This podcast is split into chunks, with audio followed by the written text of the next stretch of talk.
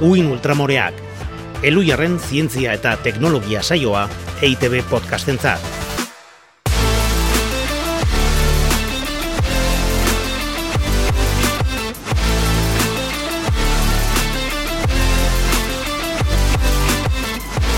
Kaixo, alaitz otxoa deri behagirre. Kaixo, anagalarraga aiestaran. Eta kaixo entzule maiteok. Eta egoitz gure teknikari maitea eta fina zurire bai, kaixo. Kaixo, fina, plastiko fina bezala, ez da, Ana? Bai, ze, aurreratuko aldeu gaia, kantatuko deu? Venga, kantatu dezagun. Dicen que tienes veneno en la piel, Y es que estás hecha de plástico fino. Dicen que tienes un tacto divino. Y quien te toca se queda con él. Ba, bai, hori, larrua zalea. ondo kantatu deu, eh? bai, nik uste algoritmoa konturatuko dala ze kantadan eta e, zensuratu ingo gaitu.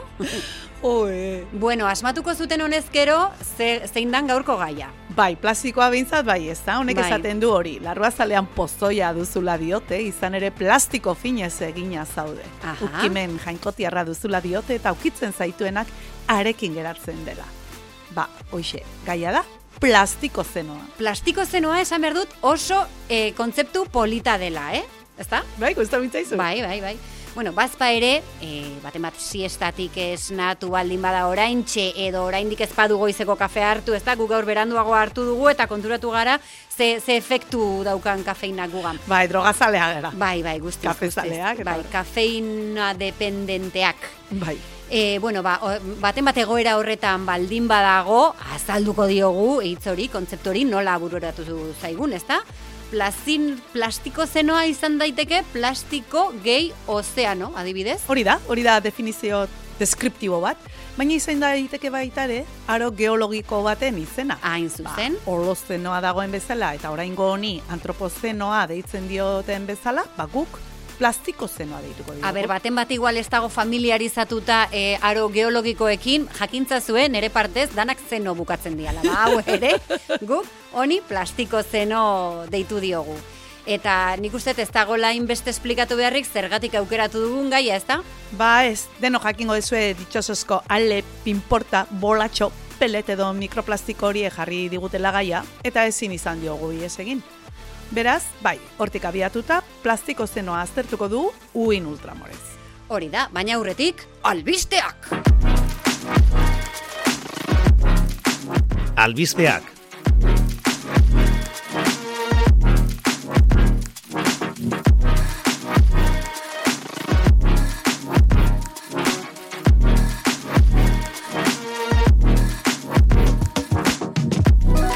Ba, ona hemen titularra, Norvegiako legebiltzarrak itxasondoa arakatzea baimendu du ikusteko ea baote dauden mehatzaritzarako aukerak. E, zientzialariak eta ingurumen erakundeak baimen horren kontra daude, baina gobernuaren esanean urpeko mehatzaritza beharrezkoa da autoelektrikoen baterietarako eta beste gailu elektroniko batzuentarako ba, funtsezko mineralak lortzeko adibidez, kobaltoa eta manganesoa. Zientzialariek ordea, ohartarazi dute ekologikoki kalte itzulezinak eragingo lituzkeela. Norvegiako egitasmoa paradoxikoa ere badela nabarmendu dute aditu batzuek. Hain zuzen, gailu elektroniko hoiek elementu garrantzitsua dira karbono isuria gutxitzeko hartzen ari diren neurrien barruan, baina Europako Akademietako Kontseilua aholku emailaren ustez, baieztapen hori iruzurtia da. Eta gainera, lehorreko baliabideak banaikoak dira metalen beharrak asetzeko. Hortaz, ba, ikusiko dugu zertan geratzen den kontua, baina ez da broma, herrialde gehiagok ere badituztelako horrelako asmoak. Eta oraindik, ba, ikerketa gutxi egin badira ere, garbi dago kalte ekologikoak oso larriak izan daitezkeela. Boa, emakumia, plastikoekin nahikoa ez eta aure badaukagu orduan. Bai, bai, eta non eta Norvegian gainera, eredutza hartzen diren herrialde zibilizatu eta ekologiko horietako batean. Ezin zara inorekin fidatu, Ana? Ai, nerekin bai, ez da, nerekin fidatuko zara, ez? Segun zertako? Ba, ai, behitu. Ekarri dudan albiztau adibidez, ondo kontrastatuta dago, eta gainera, gubiok lehendik ere bagenekien. Ah, bueno, orduan fiatzen naiz. Bai, kontu da guain zientzialariek bai ezatu dutela, eta Nature Neuroscience aldizkari jan argitaratu dutela. Mm zer da? Ba, frogatu dute, amatasunak aldaketak eragiten dituela garunean. Eta izena ere eman diote fenomeno honi. Matrezentzia Matresentzia. Ah, orain denari izen bat jarri behar zaio, eh? bueno, guk ere plastiko zenoa asmatu dugu, ez da? Eta beraiek, matresentzia. Euskaraz igual, eh, am, amazentzia izan beharko genuke? Ez daki, galdetuko bueno, diegu, ez? Eluiarri bai, bai. lankidei galdetuko diegu, ze hitzen sorrera, hitzak nola erditzen dituzten ikustea, benetan e, gauza bitxia da, ipatu izan dugu hemen. Bueno, izena duena badenez, ba hori ere izango da, e, eta ze aldaketa, ez da? Galdetu berko dizut, ze aldaketa eragite ditun? Ba beira, Uste izatekoa den bezala, aurdunalian jada nabarmenak dira aldaketak garunaren anatomian, aurdunez daudenekin alderatuta. Mhm. Adibidez, arretaren sare neuronalak aldatu egiten dira. Baina erditu ondoren ikusi dute, sare horiek lehengo egoerara itzultzen direla. Hau da, ba, antolatzen dira bezera batera, arreta jartzeko, ba, bai. benetan importanteak diren gauzatan, bai. momentu horretan, bai. galunak erabakitzen du, fokuan jarri eta sareak bideratzen ditu, eta gero ja, ba, berriro ere desegiten dira eta itzultzen dira lenoko e, konexioak eta egitera. Mm Beste aldaketa batzuk aldiz, hoiek ja betirako gelditzen dira. Ja, behin ama izan zarenean, ja, konexio hoiek, jak, ja, betirako gelditzen bai. dira. Eta ikusi dute baita ere, hor gertatzen diren aldaketa batzuek badutela zer ikusia, ba, erditu ondorengoko depresioarekin. Ara. Bai, eta guaindik ere badaukate asko aztertzeko eta ikertzeko, baina argi utzi nahi izan dute, ez dela existitzen, mommy brain edo, gutxi espentonuan amatxoren buru lausoa edo, deitzen zaion hori, ba, hori ba, despisteak, eta izaten dituzula orden zaudenean, eta... Ja. Ba, hola, parrez bezala hartzen dela. Bai, bai, hombre, despisteak. Aber, zuk daukazu e, pertsona bat, e, gizaseme bat, ba, gainera, bi piezatan etortzen dela, alde batetik burua, beste batetik gorputza, e, zutaz dependitzen duela guztirako, ez da? E, am, amar minuturo zoazela arnasa hartzen duen ere ikustera, nola etzera ba beste gauzekin despistatuko, ez da? Bueno, ba, hori, karunean ere, ba, horrela egokitzen da, formateatzen da, eta horixe da ikertu dutena eta ditu diote matrezentzia. Oso ondo, ba egunero ikasten da zerbait eta guk ere ikasi dugu, zeo zer ez da? Egunero ikasten da zerbait.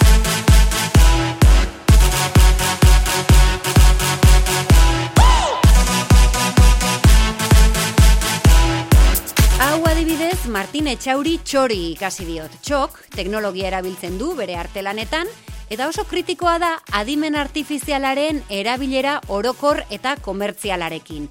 Ingurumenaren alderdiak ere asko kezkatzen du eta lehendik ere banekien arren adimen artifizialeko programek energia pila bat kontsumitzen dutela, txori esker datu esanguratsu bat ezagutu dut, kontsumo hori zenbaterainokoa den. Bota. Ordoa, adimen artifizialeko programa baten bidez irudi bat sortzen dugun bakoitzean, mugikor bat kargatzen adina energia kontsumitzen duguana. Bua, ba, hoeto nengoen jakin gabe, eskerrik askotxo hori bai, informazioa emateagatik, baina ibili gara, ba, ba, gizu inauteria guantxe, hor probatzen zertaz mozorrotu eta gure buruaren irudiak egiten adimen artifizialeko programa batekin. Benetan? Eta nik ezak izan bat mobil. Baina ze kuadrilla frikia zarete? Ja, baina, honek esan nahi du, pentsa zenbatera Inbidiaz diot, eh? Ja, ja, baina, baina, moen jakin da hori, ze lorratz utzi dugun ez da. Bueno, hori egia da, baina claro. ez da egia hobeto zeun dela eh, jakin gabe, ez da? Ba, bueno, ja, ja, hobeto nengoke egin izan espanu. Horrek esan nahi du, bueno. zenbateraino erne egon behar dugun, beti espiritu kritikoa, eh, piztuta izateko, bai, baina ez ez gaude jendeari esateko zer egin behar duen, edo zer ez ah, duen egin behar. Niretzako ari naiz esaten. Hori da, jakin, zuk egiten duzun honek, e, kontsumo energetiko bat duela, zehazki hori, Bai. Eta e, hortik aurrera, ba erabaki, beharrezkoa denen erabili, behar bada ez erabili hainbeste, bueno, ba, norberak ikusiko du. Ba, gure frikikeria, bueno, uste, baztertzeko moduko azela, baina, bueno, nik ere badaukat egunero ikasten da zerbait atal honetarako zerbait, Ez da, egunero ikasitakoa, gaineranik aspaliti dakit, baina lenguan konturatu nintzen, ba, batzuek etze bukatela arrastorik ere, eta pentsatu dut, ah, ba, emetxe botako dut. Eta da, zuk bai ikusi duzu alaitz, urertzean, itxasertzean, aizea da bilenian, eta hola, itxasona hasia dagoenean, batzutan sortzen da apar horiska bai, bat, ez da? Balian baba.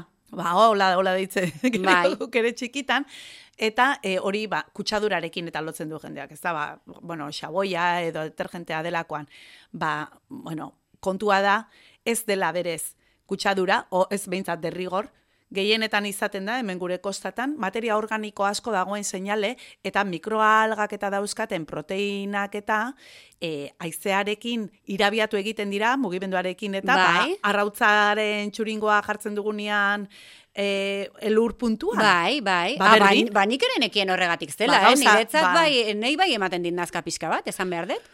Bai, ez dauka oso itxura erakargarria, baina hori da, azken finean da. Materia organikoa. txuringoa arrotzen dugunean bezala, ba, hor dauden algak eta mikroorganismoak. Eta ez da desoreka bat dagoela eta materia organiko gehiegi dagoela, ez. Ez, fenomeno natural bada eta eta hori da, hori da. Kaso inber. Ah, bueno, ba, nik ere eh, enekien, eh? E, nik uste egunero ikasten da zerbait. Ba, egunero ikasten da zerbait, eta hemen uin ultramoreaken behintzat, bi astez behin ikasiko duzu zerbait. E, nik e, Twitter edo isa, sare sozial apartxu eta batzuetan kutsatu horretan ikasi dudan kontu bat ekarri dut, eta da, katuak beste predatzaileak baino arriskutsuagoak direla desagertzeko zorian dauden espezie batzuentzat. Egia esan atentzio eman dit, ba hor Twitterren, Instan eta sare sozialetan orokorrean, e, ba, asko maite ditu delako jendeak katutxoak, ez da? Katua da, bai, bai, bai, bai, bai. gure mm, sare sozialetako maskota, ez da? Eta egia da, ba, zabalduta dago, ba, kaleko katuak arazo handia direla, eiztari bikainak direlako, eta egokitzeko gaitasun handia dutelako. Eta horrez gain, oso dieta aberatsa dute, denetarik jaten dute. Xaguak ez ezik, edo xaguak baino are gehiago, harrapatzen dituztelako, txoriak, sugandilak eta beste animalia batzuk. Ba, orain ikusi dudan ikerketa horretan frogatu dute 2000 eta laurogeita lau espezie jateko gai direla katuak, eta hoien artean irureun eta berrogeita mar espezie ja desagertuta daude edo desagertzeko arriskuan. Orduan, bai, katuak. Bai, bai, bai, katutxoak ondo, baina, bueno, ni, hau, ja, aspaldikoa da, ba, baitaritza ikasi genuenean ere oso garbi utzi ziguten, ez direla etxetik atera behar, etxeko katuak, mhm. eta gaina komeni dela antzutzea edo pentsatze bai. hor kontu zibiltzea. Eta ez da oso zaharra, egoaldean, ja legea dago ba, behartuta zaudela etxeko katuak antzutzera, eta iparraldean ez da legez, legez derrigortuta ez zaude, baina, bueno, Baina, komenigarria komeni, dela, jakin ezaztue, kontrolatzia. Bai, bai, delako, predatzaile bat, katua, bueno, e, katua da, espezie bat, gu, gu baino... Asko zarrakastatxoagoa, bai. bai. Antartidan izan ezik, leku danetan dago. Bueno, ba hori ere ikasi dugu, ez da? Orain gain nagusira pasako gara? Ba, bai, guazen, guazen. Uin ultramoreen begira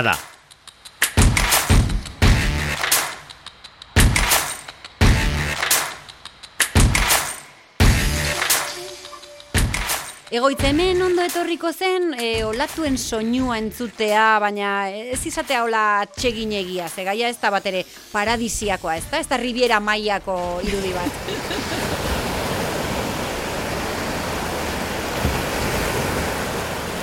Ba, nik ezak irribiera maian zentzungo den, baina soinu honekin egoitz asmatu duzu, eh? Ia, ia, ikusire egiten ditut plastikozko alea kondartza da iristen. Hala ere, argi utzi behar dugu aurrena Galiziara, gero Asturiasera eta pixkanaka kantauriko kosta osora zabaltzen ari diren bolatxo horiek, ez direla, ez direla iristen diren lehenengoak. Aspaldiko arazo bat da, baina orain, edabideetara ere iritsi denez, ba aprobetsatuko dugu gaia uin ultramorez aztertzeko.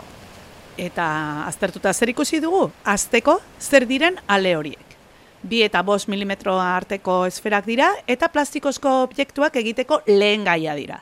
Batez ere, polimeroz osatuta daude, ba, polietilenoa, polipropilenoa eta poli... Polikarpoa. bai.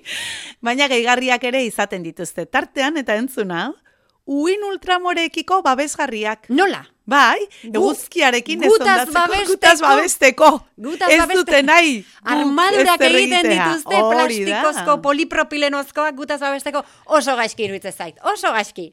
Ba, hori da, ea, plastikozko gauzak, ba, eguzkiarekin ez ondatzeko, uin ultramoreekiko, ba, bezgarria dituzte. Eta baita ere, ah. sua baldin badago, eta sua er, errez ezartzeko, ez erretzeko, sugar atzeratzaileak ere badituzte. Eta horrelako gehigarriak izaten dituzte. Aha. Iraunkorrak dira, gehienak flotagarriak, ez dira disolbatzen, ez emulsionatzen, ez biodegradatzen. Hortxe gelditzen dira. Ba, bai. Ba, osagai eta ezaugarri horiekin oso kaltegarriak dira itxas faunarentzat eta ingurumenarentzat. Batetik, arrainek eta itxasegaztiek janaria direlakoan, ba, irentxi egiten dituztelako, eta maiz, buxadurak eragiten dizkiete digestio aparatuan. Eta bestetik, gehigarri horiek toksikoak izaten dira. Asko, hormona disruptoreak dira, hau da, hormonen sistema asaldatzen dute, eta horrek, ba, ondorioak ditu metabolismoan eta sistema askoren funtzionamenduan. Ba bai, eta ez die bakarrik eragiten egazti eta arrainei. Gu gana ere iristen dira ondorioak. Gu baikara kate trofikoaren azken kate begia, bakizu. Arrain handiak txikila jaten du eta gu gara arrainik handiena. Gu gara arrainik handiena, bai. hori da. Gainera denborarekin ale horiek bestelako konposatuak eta mikroorganismoak ere biltzen joaten dira eta batetik bestera eramaten dituzte. Adibidez, frogatu da, bakterio erresistenteak edatzeko garraio bideetako badirela uretako mikroplastikoak bai itxasoan, bai ibaietan. Vamos, una joya mikroplastikoa. Bai, bai. dana ona, dana ona. Dana ona, dana ona, bai. Hala ere, orain arte ezpadugu askorik entzun oniburuz, izango da ez delako oso oikoa, ez da? Plastikozko aleak galtzea itxasoan, ez da? Ez, ez, ez, ez da gertatzen, ez da gertatzen. Ez da gertatzen. Ba hori uste baduzu okertzaudete. E, ez dut uste hori uste zenutenik, Baina... Baten eh, batek uste izango balu, izango balu, ez da hola. Oker dago.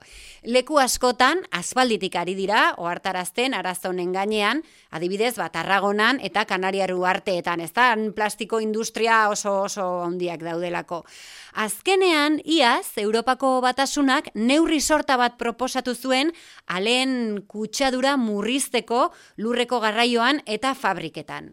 Proposamen horiek araudi bihurtzen badira eta betetzen badira, neurri batean murriztuko da arazoa. Baina pixka bat bakarrik, ez baitute kontuan hartu itxas garraioa.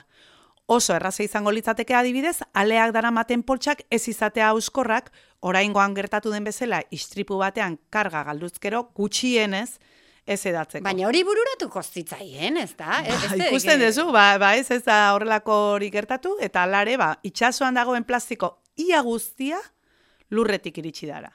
Azken finean, plastikoen kutsadura murrizteko neurririk eraginkorrena, benetan eraginkorra den bakarra, hau da.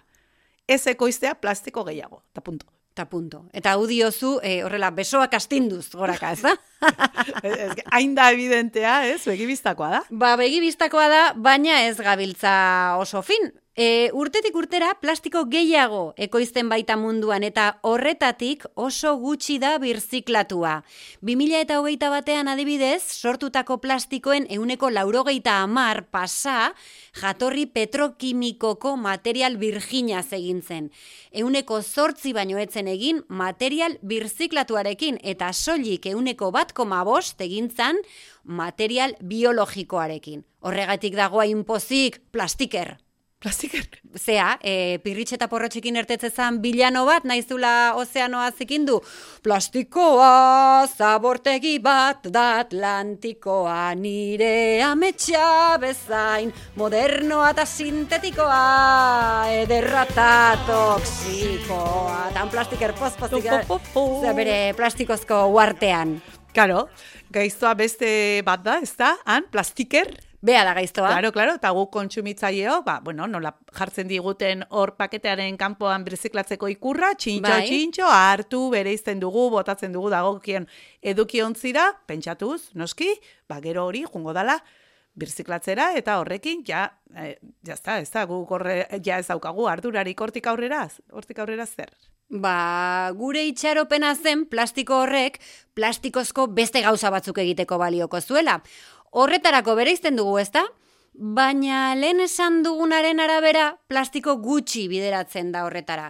Zer gertatzen da gainerakoarekin? Ba euneko irurogeita bosta, ana, errauskailuetan erretzen da, edo zabortegietan pilatzen da, eta euneko hogeita bia berriz, edo nora botatzen da, edo kontrolatu gabe erretzen da. Ba, panorama honen aurrean nazio batuen erakundeak plastikoen gaineko hitzarmen bat proposatu zuen eta aurtengo urtea 2008 lau bukatu baino lehen espero dute herrialdek onartzea eta sinatzea. Mhm. Plastikoen biziziklo osoari erreparatuko dio eta juridikoki lotezle izango omen da. E, hori dena oso ondo dago, eta ez dut gainera adurtxarrekoa izan nahi, ez dut adurtxarrekoa izan nahi, baina nazio batuen webuneak berak, hitzarmen horren berri ematen duen horrian esaten du, klimaren parisko hitzarmenaren parekoa izango dela. Hortaz, konfiantza guztia ematen bai, du. Bai, ez da, hain da ona hitzarmen hori. bueno, esan behar da, parisko hitzarmen hori erreferentziazkoa dela, berotze globalari buruzko biltzar, egitasmo eta barretan, eta ia herrialde guztiek sinatu zuten, baita horrelakoetatik kanpo geratzeko joera duten batzuek ere, adibidez Txinak eta Estatu Batuek. Bueno, Trump gero at atera egintza Trump. Bai, Trump atera egintzen akordiotik, gero Biden berriro sartu egintzen, baina total zertarako. Hitzarmenean jaso zutenez, helburua zen mendearen amaierarako munduko batazbesteko temperaturaren igoera bi gradutik berako izatea eta albada gradu bat eta erditan geratzea igoera hori, aro industriala hasi aurreko temperaturarekin konparatuta. Bamendearen laurdenera ere ez gara iritsi eta gradu eta erdi hoiek ja harrapatu ditugu iaia. Ba bai, eta ez da oso itxaropentsua orduan, ba, sinatu ez da hitzarmen bat parekatzia betetzen ari ez den hitzarmen batekin bai, bai. Honekin egingo dugu bestearekin egiten ari garen berdina. Bueno, ba, zorionak, ekipo. Ondo, lehen olakoi paper guztia deitzen zitzaion, hemendik aurrera plastiko guztia deituko diogu. Bueno, plastiko guztia, eh, oso, oso kontzeptu polit. Bai, bai, asko gustatzen zait. Egoitze, egoi, sartu, sartu. Tutun pat, plastiko guztia. Oso, oso ondo dator gaurko bueno, gaiarekin. Txiste txarronekin, bega, ja, guazen bukatzera, guazen. Egia, gezurra, ala ez dago nahikoa evidentzia.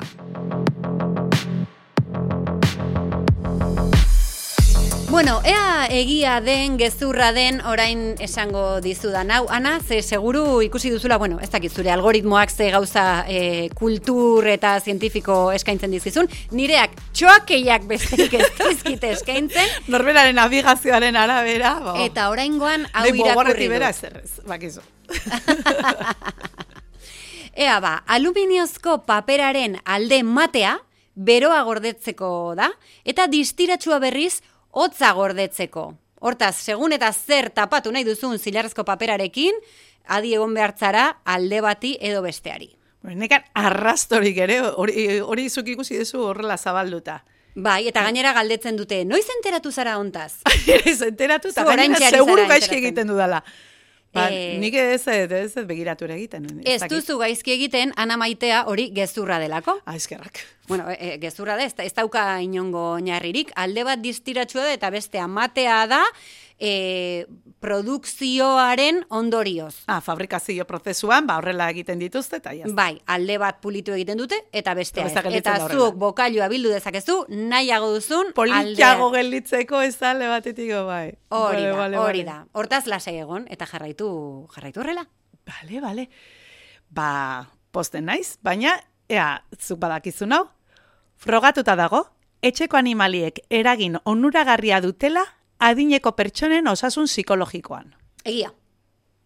Seguru nao, ikerketak indituztela horren inguruan, ze animaliak maite ditugunez, pues, on, danako dia honak, eta adinekoekin, ba ezakit, bakardadeari aurregiteko, edo izango dute, onuraren bat. Badauka logika, nola ez, eta ja, esan duzu bezala, bai, ikerketak egin dira, eta gainera asko egin dira. Hainbeste egin dira, batzuetan emaitza hori izan dela, onura ekartzen diela, baina beste batzuetan kalte ere eragiten dutela ikusi dute. Ara? Adibidez, estresa sortzen diete eta frustrazioa, ez badira gai ba, e, txakurkumea ezitzeko esate baterako, edo ez badaukate beren portaera zuzentzeko e, al, aleginda ere ez badute hori lortzen, ja. eo ezin badituzte atera kalera ba, eskatzen dutenean. Hombre, hori ere egia da, eh? Amonari txakurra ekarriko bai, dugu bakarrik esentitzeko eta gero goizeko zazpitan atera behar du txakurra. Bai, bai, ba, lan handia ematen dute eta zaindu egin behar dira eta batzutan ba, zure buruarekin ere nahikoa duzu eta ez da beti onerako izaten orduan. Eragina izan badute, baina ez dago evidentziarik, onerako denik. Ara, rapatu nauzu orduan, ana. Bueno, ea zer diozun honi buruz.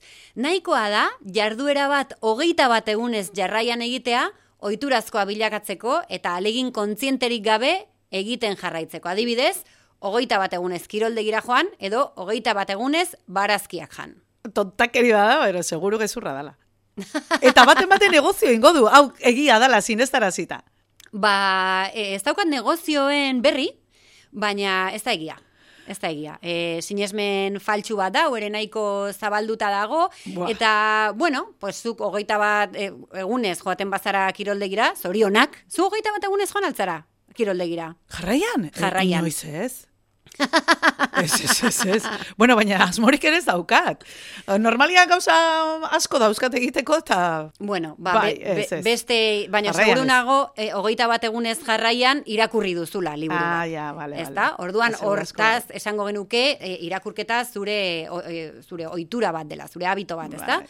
Ba, ni hor gehiago kezkatzen abadibidez, erretzeari usten diozunean, pentsatzen duzu, hogeita bat egun ez erregabe egonda, ja desintoxikatuta zaudela, ja, ja. ez erretzalia zarela, eta, eta jende askori gertatzen zaio, bai, zain zaude, ez da, hogeita bat egun horiek pasata, epifania moduko bat izango duzuen, eta bingo, ja ez daukat, e, el naiz gogoratzen honekin. Eta ez da horrela, eta orduan, ba, sinesmen horiek frustrazioak ere sortu ditzaketen ez, ona uin ultramoretara ekartzen ditugu jendeak bere burua hobeto ulertzeko. Ah, oso ondo. Egia ikusten? Guk egiten du lan soziala. Bai, bai, bai. Beraz, ez zaitezte uin ultramorez babestu beste mikroplastiko hiek bezala. ondo, ondo, ondo ekarri alaitz. Azkena esango dugu. Eta bitu, honek ere igual balio dio jendeari zerbaitetarako, eh? Izan ere, e, hau da bai ez pena, janari ultraprozesatuetan oinarritutako dietak, bikoiztu egiten du depresioa izateko arriskua. Ba, ez dakit, e, evidentziarik dagoen edo ez. Horrela evidentziarik gabe, bai ez esango nuke, ez da? Ba, e, izan ditzaketela, ez da? Ondorio psikologikoak ere, horrelako janariek. Ba, badaude ikerketa pila bat erlazioa badagoela erakusten duen, ez da? Janari ultraprozesatuak eta depresioaren artean, kontrakoare izan daiteke kausa efektua, ba, zu depremituta bali mazaude gogo gutxi eukiko dezu baita jateko ere, azteko, eta igual edo zer gauzakin, ez? Bai. Konformatuko zara, eta gainera gogo gutxi izango duzu erosketak egiteko janaria prestatu eta hori dana, baina bueno, ikerketa bat egin dute hola niko txukuna, erakusten duena justu erlazioa egon badagoela, hori dala gainera, alegia janari ultraprotesatuak eramaten zaitula depresioa izateko arriskoa areagotzera, eta hori bikoiztu egiten du gainera arrisko hori, bueno, bastante... Ba, ze interesgarria, ez da? Ze azken bai. aldian asko hitz egiten dugu dietarekin, alegia bai. jaten dugunarekin, eh? ez dieta egitearekin, jaten dugun horrekin dugun harremanaz, nola relazionatzen garen janariarekin, e, ze askotan dagor errua, ez da? Bai. Hau ez duen jan behar, eta bueno, e, bai, bai. nola ez duzu deprimituta bukatuko? Bai. Edo konpentsazio gauza horiek ez da, nola bolada txarra pasatzen nahi nahi zen jango dut orduan. Beintzat, beintzat. Nere buruari emango dio baimena bai. jateko zerbe bak izula zaizula komeni. Bai, bai. Ba, oso interesgarria eta gai hontaz gehiago hitze eingo dugu beste atal batean. Zeiru itzen. Ba, igual uin ultramorez aztertuko dugu horrela pixka sakon. Oso ondo, gaurkoz beintzat bukatu dugu ana.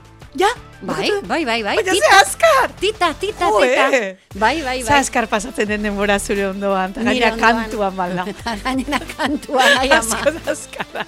Jendeak entzuteari utzi dio, ama, garren minutuan, zei, da senyora hau kantatzen. ze, pirritxe eta porrotx, gu maite ditugu, eta mari mototxere, bai. Eta mari mototxere, bai, bai. Eta mari kalambre.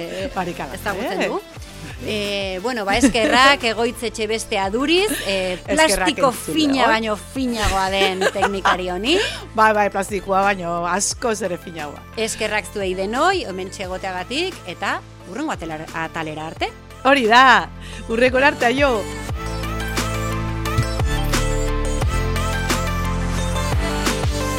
Uin Ultramoreak podcastaren atal guztiak EITB podcast atarian topatuko dituzu eluiaren zientzia.eus webgunean eta ohiko audio plataformetan.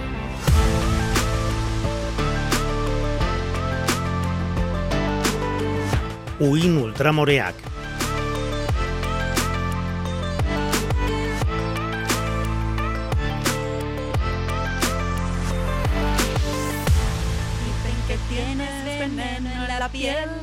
Y es que estás hecha de plástico fino. Dicen que tienes un tacto divino. Y quien te toca se queda con él.